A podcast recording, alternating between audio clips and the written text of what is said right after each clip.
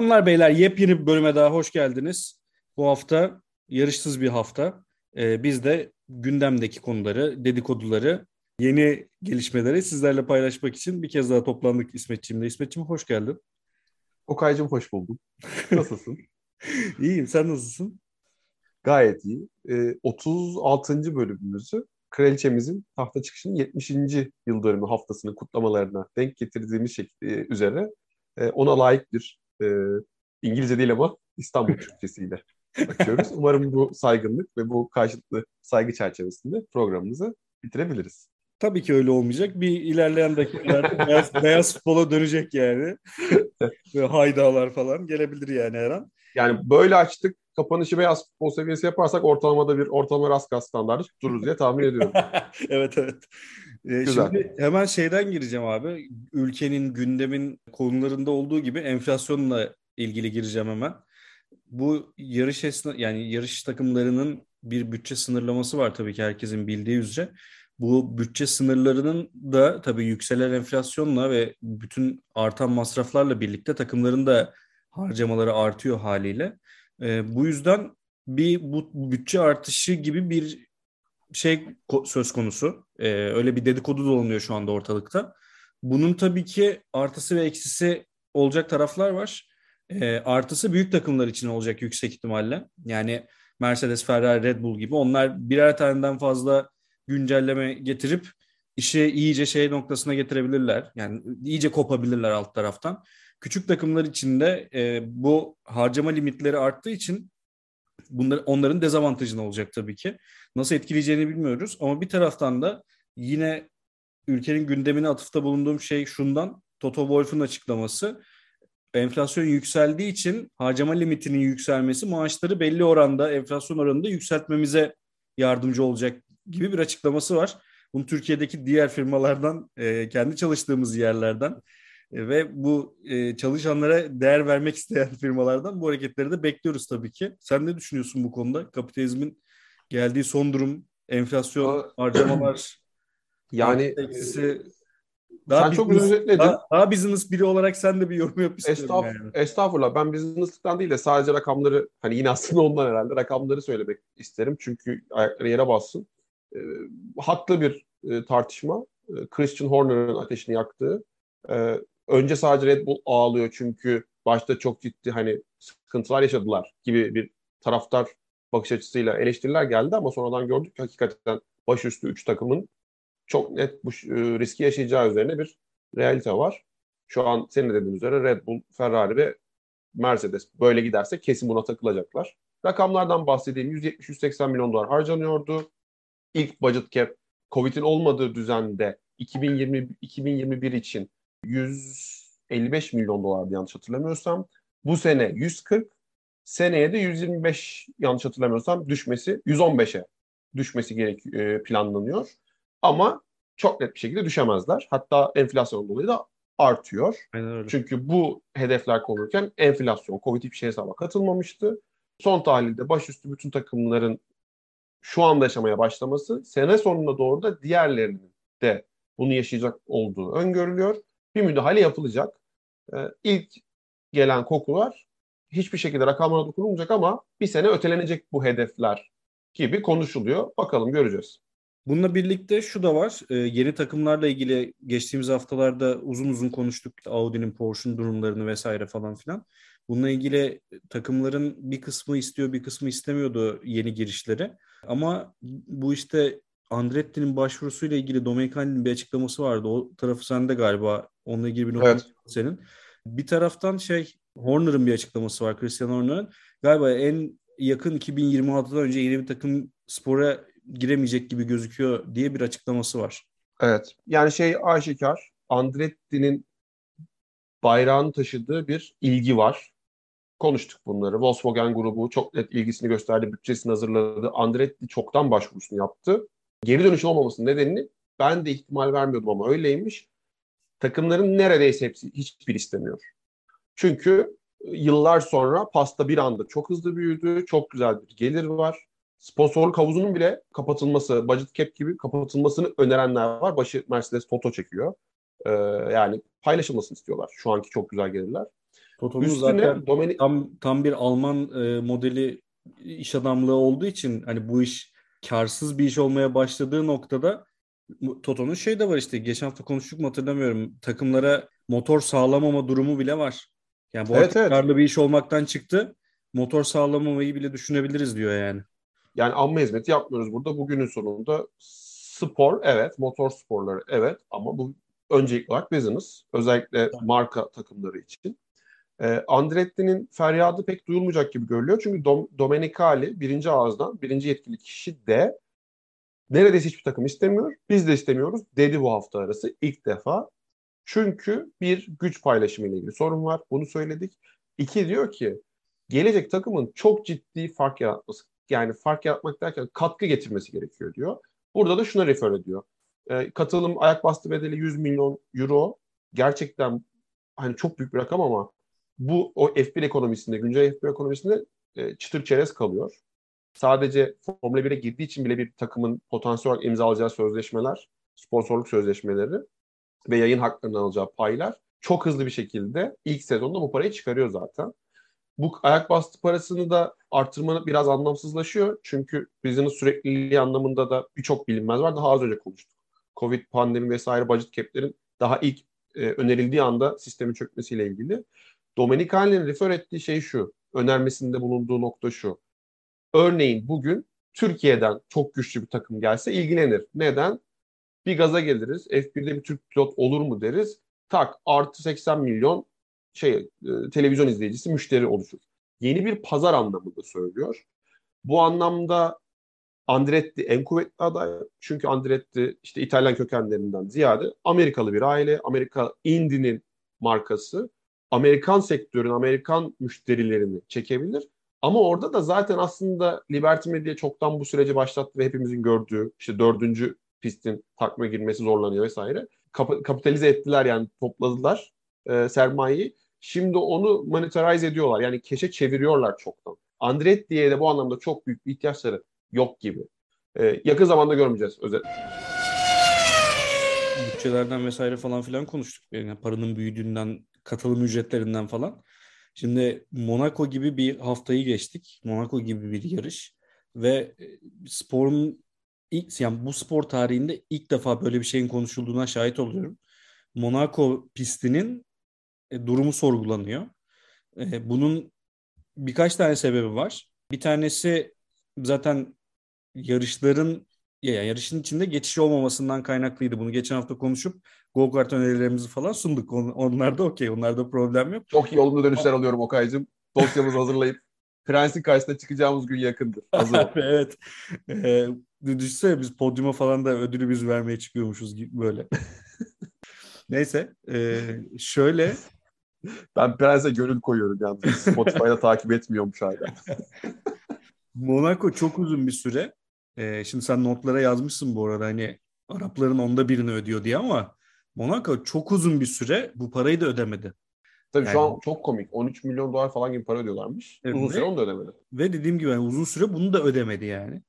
Dolayısıyla burada hani pistin durumu bu sebeplerden ötürü sorgulanıyor ama ya birçok pilotun da üstüne basarak söylediği gibi Monaco olmadan bir yarış takvimi kesinlikle düşünülemez ya. Ne olursa olsun yani. Bir yarış boyunca hiçbir geçiş yapılmasa bile kesinlikle bence bu düşünülemez. Çünkü o bir şey entertainment orası yani. O bir eğlence hafta sonu orası için. Formula 1 için de öyle yani. Spor için öyle. Ya geçen konuştuk işte 200 tane yat açıkta kalmış. Yanaşamamış yani demirleyememiş evet. limana. Dolayısıyla orası artık bir şey böyle. Ne diyorlar ona? Gösteriş merkezi gibi bir vitrin, fuar vitrin, ya. Fuar, vitrin, vitrin her evet. anlamda vitrini. Yani vitrin yani, sponsorların evet. arasındaki mücadelenin de en kazananı, en güçlü sponsor. Orada reklam verebiliyor. Stratejiyi en iyi yapan takım. Cumartesi yeni geçiren değil sadece. Stratejiyi ki buradan Ferrari'ye hemen pas atabiliriz bence. Çok güzel. E, yani farklı şeyleri test ediyor. Yüzde yüz katılıyoruz pratik kaygılara. Arabalar çok büyüdü ama hani Monaco durduk yere küçülmedi yani çekmedi suyun kenarında. Arabalar büyüdü. Monaco ne yapsın bunu? o arabaları da ben adım gibi eminim. Onunla da ilgili eleştiriler şimdi gitgide büyümeye başladı. Tekrar hafiflettirip küçülme dönemine gireceğiz. Bence bir sonraki devrimde de hadi bunu da biraz daha hafifletelim, biraz daha küçültelim gelecek. Çünkü bugünün abileri inşallah yarının yöneticileri Alonso'lar, Vettel'ler, Hamilton'lar yani hiçbiri bu konudan memnun değil. Yeni jenerasyon yönetimle e, bir de ne olursa olsun şu ana kadar çok olumlu geri dönüşler alıyoruz. E, FIA'nın e, yeni başkanı şu an adını unuttum tabii ki. E, Süleyem, Muhammed Bin Süleyem. Hay yaşa. E, o da pilotlarla gerçekten şahsi ilişkisi çok iyi olan, arkadaş seviyesinde ilişki kuran birisi. Onların talepleri doğrultusunda şekillendirmemiz gerektiğini söyledi. O yönde çalışmalar olacak dedi. Bence yola tekrar gideceğiz ve Monaco bir anda hani geçişlerin bile tekrar olabildiği bir yere dönüşebilir. Bu bahsettiğim 3-5 sene içerisinde ama Umarız Monaco hiçbir yere gitmez yani kimse kusura bakmasın. Ee, inşallah. Şimdi şey bir taraftan Monaco'daki bu hafta sonunda yaşanan ilginç bir şey var. Ee, Monaco'da biz durarak bir start görmedik. Hatırlarsan güvenlik aracıyla başladı start. Yarış direktörlüğüne bayağı bir salladık. Beceremediler, evet, karar veremediler dedik. Meğer. Sebebi e, yağmurdan dolayı arızalanan e, start ışıkları ve start sistemi. Yani bunu daha önce işte bu yarış yarıştan sonra konuştuk bunu seninle. Hemen ya bize hemen kayda girdik ama tabii o kayıt, kayıt esnasında aklıma gelmediği için sonradan konuştuğumuz. E, 2009'da Macaristan'da böyle bir şey oldu.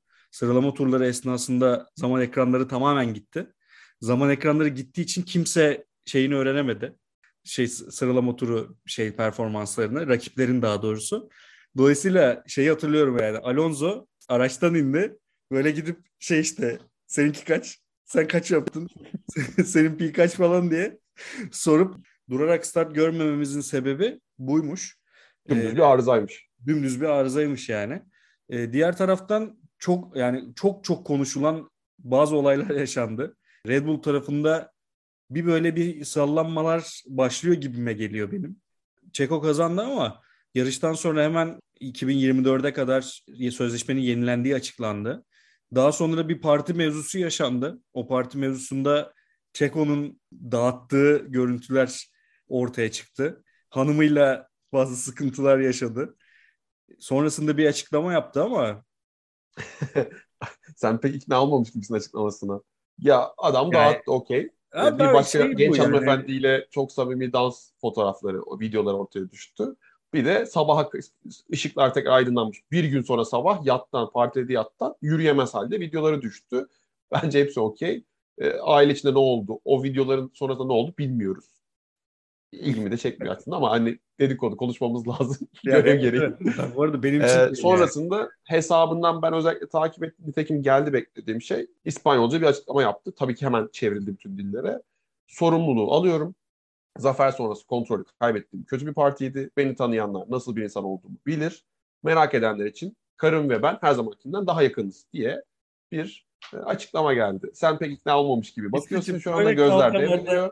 Böyle, böyle kavgalarda genelde şey olur yani. Kavga edersin ve devamında daha güçlü çıkarsın. Hani ilişki daha sağlam basarak devam eder. Peki şu anda ve yapay olarak başladı. İkna olmadım ben başta ama tabii ki sorun yaratma mekanizması Jos Verstappen'in açıklamaları sonrası ben artık çok yapay olmadığını düşünüyorum. Hakikaten bir ufak huzursuzluk durumu var Red Bull içerisinde. Sana onu soruyorum. Red. Bull bu kavgadan daha güçlenerek çıkar mı? Ha ben ben şeyi cevapladım ya. Çeko ile hanımının ilişkisini cevapladım ben. Oradan pasladım. Okey. Beni şöyle, asıl ilgilendiren kısma geldim. Şöyle abi bunu ben ilk anlaşma imzaladı imzalandıktan sonra sana yazdığımı hatırlıyor musun bilmiyorum. Şimdi Max düşünsün. Yani çünkü evet. bu, burada bu arada şöyle Helmut Marko'nun da Helmut dedemizi de anmadan geçmeyelim. Onun yaptığı bir açıklamaya göre de Monaco yarışından önce aslında imzalama şey imzalamış Çeko. Tabii ki. Bu, bu da performansına yansımış eğer öyleyse şayet performansına yansımış gibi görüyoruz. Ama bir taraftan şeyi de yine unutmayalım. Yani Red Bull stratejiyle yarışı kazandı. Ama bir taraftan da Montoya'nın şu lafını unutmayalım. Bana şu an Formula 3 bir tane polden başlayacak Formula 3 aracı verin ve ben size o yarışı kazanayım e, lafını da unutmamak lazım bir taraftan. Peki Montoya Montoya'ya karşı söz hakkım doğduğu için Okay'cığım biliyorsun. ben bir şey diyebilir miyim Montoya'ya cevaben? İletirsin sen. tamam. Sana biz takribi 7-8 sezon F1 aracı verdik de kazanamadın. Şimdi mi kazanacaksın? Abi bak lafı şeyini tekrar söylüyorum. Bana polden başlayan bir F3 aracı verin. Poli ben kazanmayayım yani. Hani sorumu güncelliyorum. Evet, sorumu güncelliyorum. Sana hiç de yani o midfielder değil işte şampiyonluğa giden takımın ikinci arabası verildi. 3 sezon mu 4 sezon mu 2 sezon neyse. Onunla niye pol kazanamadı derler. Çenesine vuranlarda çok net artık bu konuda görüşüm oluştu. Bunda sabit fikirli olacağım. Nico Rosberg bayrak taşıyıcıdır. Montoya, Brundle, Steve, Jackie Stewart, şey Jackie Stewart diyorum pardon. E, Graham Hill, Graham Hill. Oğlu ya hep karıştırıyorum. Hill, Damon Hill. Damon Hill. Bunlar da böyle ikinci kim olacak diye e, yarışıyorlar. Ama bu arada şey Nico Rosberg en azından bir şampiyonluk kazanmış. Damon Hill'in de şampiyonu var gerçi de. Abi yok yani Nico'nunki çok başka. Yani Monaco'da çok yağmur yağdı. Hemen video çekti. Neden Hamilton'a hala kızgınım? İşte açıklayayım. Abi ne alaka? Bir dur gözünü seveyim ya. Yani tık dilenen, like dilenen Okay olsun, İsmet olsun, Niko'cum bir dur Allah'a sen ya. Ya günün sonunda Red Bull'da Christian Horner'ın da bir açıklaması var bu arada. Şampiyonun kim olduğu ile ilgilenmiyoruz. Bizim için şampiyonun Max veya Sergio'nun olduğunun bir önemi yok. İkisinin de Red Bull sürücüsü ve ikisi de aynı şans sahip. Dolayısıyla Çeko anlaşma imzaladı 2024'de. Monaco'yu kazandı. E, Jos Verstappen saçma sapan bir açıklama yaptı. Max'a öncelik verilmeliydi falan diye. Sebep niye? O kadar da şampiyonluk şansı yok değil Perez'in yani. Yok, Dolayısıyla ben burada buna saçmalık demiyorum abi. Burada seninle ayrılıyoruz da geçen de ayrıldık. Eğer ki adı konduysa verilir. Bu cepte. Ve bence adı konulmuş durumda. Bunların hepsi yangını ilk etapta nasıl söndürürüz çıkışı. Hala çok net. Max birinci, Çeko ikinci. Bu bu arada sözleşmeler yazılmasa da sözleşmelerden önce ikna edilir de yazılır. Çeko oraya ikinci sürücü olarak imzalamıştır. O da okey. Ama kocaman bir aman var Jos Verstappen'e. Ne, daha ne üstünlük verilmesi gerekiyordu? Daha ne yapılabilirdi? Yani o vinçlerden birini arayıp arabayı şöyle alıp öne mi koysalardı? Ne yapsınlar abi? Allah aşkına daha ne yapsınlar? Bir hafta önce olan haksız mıyım Okay? Abi Sen şöyle, söyle. Şöyle, şöyle destekleyeceğim seni. Yani şu dediklerine katılıyorum. Fakat ben bunun bu kadar erken yapılması gerektiğini, gerekmediğini düşünüyorum. Yani bu daha sezonun çok başındayız. Abi 11 Ve... puanımız çalındı alıp falan gasp edildi demezsin ya. Arkadaşlar kaçırdıysanız Jos Verstappen 11, 11 puanımız gasp edildi Türkçe'ye çevirdiğinizde. Gasp eden de tamam. formasını giydiği takımdan bahsediyor. İşte şöyle o, oğlunun kendisi de değil bu arada yani. Şunu şunu şunu demeye çalışıyorum. Bu kararlar için çok erken yani şeye söylüyorum, şeyi kabul ediyorum. Bunlar sözleşmelerde yazıyordur, bellidir vesaire falan filan. Buraları kabul ediyorum abi, okey. Ama yine de bu kararlar için çok erken davranıldığını Barcelona'daki şeyden bahsediyorum. Hı hı. Ve Jos Verstappen'in de tavrından bahsediyorum. Bunlar için çok erken olduğunu düşünüyorum. Ama bu noktaya gelmesi bile bir sorunun baş göstermesinden kaynaklı olabilir gibi düşünüyorum. Ve Damon Hill tarafına geçiyorum. Çenesine vuranlar da bu. Leclerc'le ilgili bir şey var onun da. Yorumu. Ferrari ve sürücüler karşıla, karşılaşmasında Heh, evet. Ferrari her zaman kazanır. Yani Ferrari takım versus sürücü. Biraz inatlaşma evet. oldu. Kimse kusura bakmasın. Bizde şeydir ya işte basın toplantısı soruyorlar. Ortayı e, açıyorlar. E, Jorge Jesus vuruyor ne Jorge Jesus önemlidir ne Mesut Özil Fenerbahçe'de esas olan bu tiyatroların bu camiada uygulanabileceği hep konuştuğumuz şey Ferrari. Kültürü aynı, İtalya'sı bilmem nesi, tarihi. Hocam Ferrari büyüktür. Asıl olan Ferrari'dir. Asıl olan asıl olan şahlanan siyah hatlardır. Çekolar bir neyi çeko diyorum. Bir şans gider, bir şans gelir. Dedi. Ger- Damon Gerçekten öyle ama bir taraftan da Leclerc ve şey arasında Ferrari arasında bir soğuk savaş olduğu gerçeği de şu anda yatsınamaz bir şey durum yani. Dolayısıyla burada yani nasıl bir tavır olacak bilmiyorum ama yani Ferrari de işler ne derecede böyle gidecek. Yani biz hep böyle o sene bu sene mi diye konuştuk ama acaba hazır değil mi Ferrari noktasına doğru gitmeye başladı iş. Bir taraftan da bakıyorsun e, e, şey cumartesi performansları hala Ferrari'nin çok daha önde. Stratejiyi çözdükleri zaman ya da yarış temposunu çözdükleri Takım zaman oyununu. sanki Takım evet oyununu. sanki olacak gibi yani. Ama burada evet evet. Yani head, bir... head, head pace'te halen en şu anda açık motor Ferrari motoru çok net. Evet. Aerodinamikle ilgili halen gözlemliyorum ki bununla ilgili F1 resmi hesabında da çok güzel bugüne kadar Monaco hariç bütün pistlerdeki performanslardan yunuslama, işte zıplama sorununu analiz etmişler. Ferrari en çok yaşayan üçüncü takım. Yani hiç de öyle gerilerde değil. Hı hı. Ona rağmen ama head pace çok iyi durumda. En yüksek hız, motor. Aerodinamikte demek ki o kadar sorun yaratmıyor. Senin de dediğin gibi strateji, sürüş, insan faktörü, takım oyununu çözdüklerinde olur. Çözebilecek gibi duruyorlar mı? Yani şey gibi olacak da kimse kusura bakmasın çok arada böyle düşünce üzülüyorum futbol önermelerine. Fenerbahçe gibi yani winnerlığı biz kayıp, kayıp mı ettik? Eyvah hani sürekli son dakikaya getirip patlatan takım mı olduk? Konuşulur Fenerbahçe için ve aralarında Fenerbahçelilerin. Son dönem 10 sene Ferrari'ye baktığında bunu görüyoruz. Ve şu andaki huzursuzluk da bence bu. için için şey deniyor. Ya eyvah yine mi olmayacak? Biz yine mi elimizi bulaştıracağız? En hızlı arabayı yapmış olsak dahi. Valla bunu zaman gösterecek bizi birkaç yarış sonra bu belli olacak ama bir şeyler yapacaklarsa Mercedes işin içine girmeden yapmaları lazım. Çünkü bu yeni side postsuz tasarımla Mercedes yukarı doğru tırmanmaya başladı performans olarak. Yunuslamayı en çok yaşayan takımlardan bir tanesi olarak geldikleri nokta gerçekten umut veriyor Mercedes fanları adına. Burada da yine pilot içi savaşlar konusunda en böyle başı ağrımayacak varsa da dışarıya şu anda bir şey belli etmeyen takımlardan bir tanesi yani Mercedes. Yo yo net yoktur. George çok akıllı çocuk. İkinci günden şimdi böyle bir yerlere oynamaz yani çok Daha onun için en az bir sezonu var. Yani evet bir taraftan da hani e, bu, bununla ilgili bu taraftan açıklamalar da var. Bu Eddie Jordan bununla ilgili açıklama yapmış. Zamanında e, bizi de öven favori rengim e, Jordan yeşili en sevdiğim program Raskas diyen Eddie Jordan.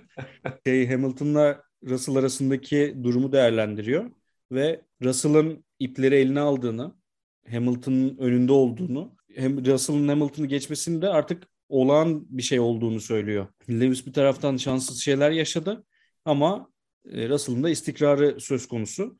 Dolayısıyla Jordan da bir taraftan bununla ilgili yorum yaparken bir taraftan da şey de merak ediyor. Bizim de merak ettiğimiz gibi Hamilton bununla nasıl mücadele edecek? Bu durumla nasıl başa çıkacak? Eski Hamilton'ın eski yarış mühendislerinden Philip Heh, Brandon. Onu söyleyecektim. Onu diyecektin. Evet, evet. evet, bununla ilgili bir açıklama yaptı. Dedi ki Hamilton çok iyi bir sürücüdür. Ancak arabanın içerisinde çok rahat hissetmesi gerekir performans vermesi için. Ve teknik background, arka plan yani mühendislik bilgisi anlamında Rico, Nico Rosberg ve Michael Schumacher'ın çok arkasındadır. Çok güvendiği, iyi hissettiği, işte o bariyerleri yalayacak, şikanların üstüne çıkacak ve dengesiyle ilgili şüphesi olmayacağı arabalarda performans gösterir dedi. O yüzden şu anda kendisini güvende hissetmediği için limitleri de zorlamıyor gibi bir şeye evet. gelecek bir yorum yaptı. Çok da çirkin aksettirildi aslında bence bence değil. Ben şeyini buldum orijinal açıklamasını. Bu yönde söylemiş. Bu biraz evet, şey... Türkçe, Türkçe çevirisinde bu arada Türkçe e, yayınlanan haber sitelerinde şöyle bir yanlışlık var. Beceriksizdir gibi bir şey geliyor olay. Ya evet ya şey teknik şeyden bahsetmiyor. E, teknik bilgiden bahsetmiyor. Yani tamamen e, altyapı şeyinden yani bizim basketboldan örnek vermek gerekirse fundamental'ı kötü gibi bir yere getiriyor. Evet evet. Ama yani gün sonunda bu adamların hepsi go karttan başladığı için bu işe. Yarışla ilgili bir sıkıntıları yok yani bunların. Tamam teknik olarak ya da mühendislik olarak bunların gerisinde tabii ki olabilir. Yani herhangi bir mühendisin de arkasında olabilir. Ama işte saf yetenek yani Brandl aynı şeyi sorsak ki Brandl kötü ayrılmıştır. O kaşındı biraz. Ama Brandl'a sorsan saf yetenekten bahsedelim, saf sürüşten desek e, Sezar'ın hakkını Sezar verir. Yani karşılaştırmam şeyle. Nico Rosberg orada değil. Yani. O bambaşka bir şeyden bahsediyor. Tabii tabii. Schumacher'le şimdi durduk yere polemik yaratmayın. Sorun yok. Gelecek. Yani Hamilton şöyle gelecek. E, arabayla çok büyük problemleri varken şu anda 5. araç. Şunu, şunu hep söyledik ya. Hani Leclerc kötü bir pilot muydu? Hayır. Ama geçen sene bu e, performansı verebiliyor muydu? Hayır. Neden? Arabası hızlı değildi. Arabası hızlı evet. oldu. Bu performansı veriyor. Yani denklem çok basit aslında yarış pilotları için. Ama onların farklarını gösterecekleri yerler bazı durumların yani bazı gezegenlerin hani böyle arka arkaya gelmesi gibi durumlar oluyor ya. Bazı durumlarda o performansı verebilmeleri, o krizlerden çıkabilmeleri, o krizleri yönetebilmeleri yani büyük takımlardaki pilotlardan beklenen şeyler bunlar. Ya zaten aracı hızlı sürücüler zaten kullanabilir ve o noktaya getirebilir. Ama önemli olan şampiyon duruşu, şampiyon davranışı, şampiyon sürüşü. Evet.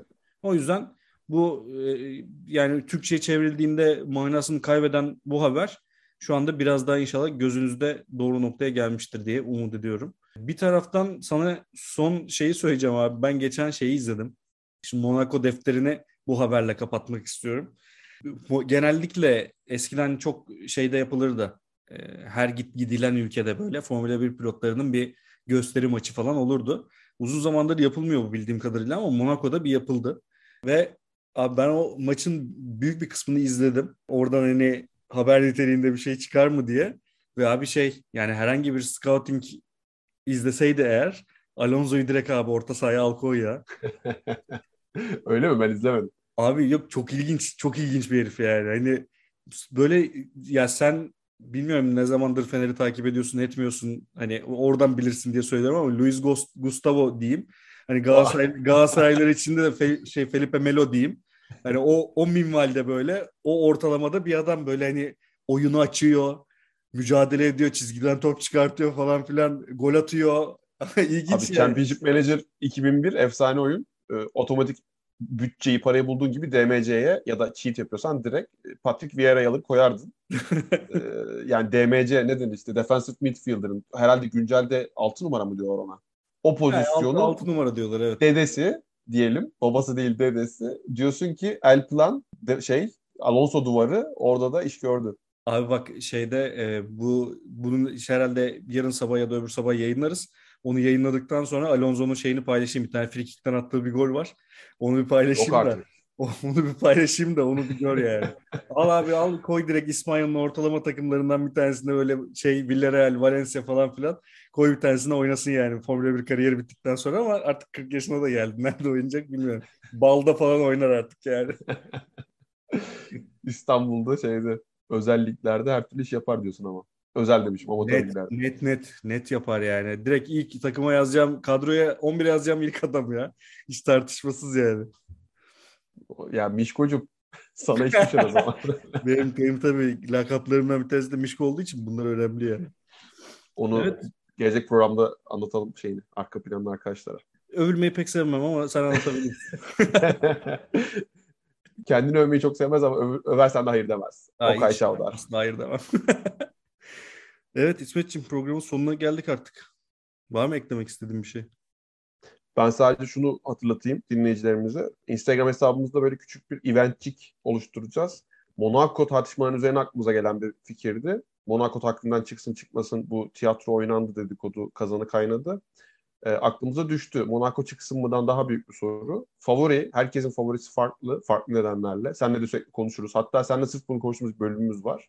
En çok sevilen pist ya da işte ilk 5, ilk 4 final oluşsun istedik böyle güzel bir playoff mantığıyla hali hazırda takvimde olan ya da olmayan bir iki tanesine kayırdık. İlk 24'ü belirledik seninle. Instagram hesabımızda storylerde bir yarışma yapacağız. Bakalım.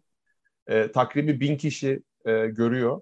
Bin oylu. Bence bayağı göstergesi yüksek bir e, etkinlik olacak. Türk e, Formula 1 fan base'inin e, favori pisti ortaya çıksın. Monaco'ya atarsanız hayır demem. Teşekkürler. İkonik pistler her zaman bir adım önde ya. Onu Tartışmasız yani. Yapacak göreceğiz. Şey. Kazanan kazananı göreceğiz. İyi olan kazansın. Duygusal davranmayın ama yani. Hani bu bu konuda da şey yapalım. Hani İstanbul'da kuracağız ama yani böyle net ayrıldık ya. Ha İstanbul Park kesin evet lütfen çıkmasın. Bayraklar asılmasın. Bir durun bir bayrak asmayın. As bayraklar as olmasın. Ama duygusal davranılacaksa lütfen oylar Monaco'ya. Teşekkürler. Raskas sona erdi.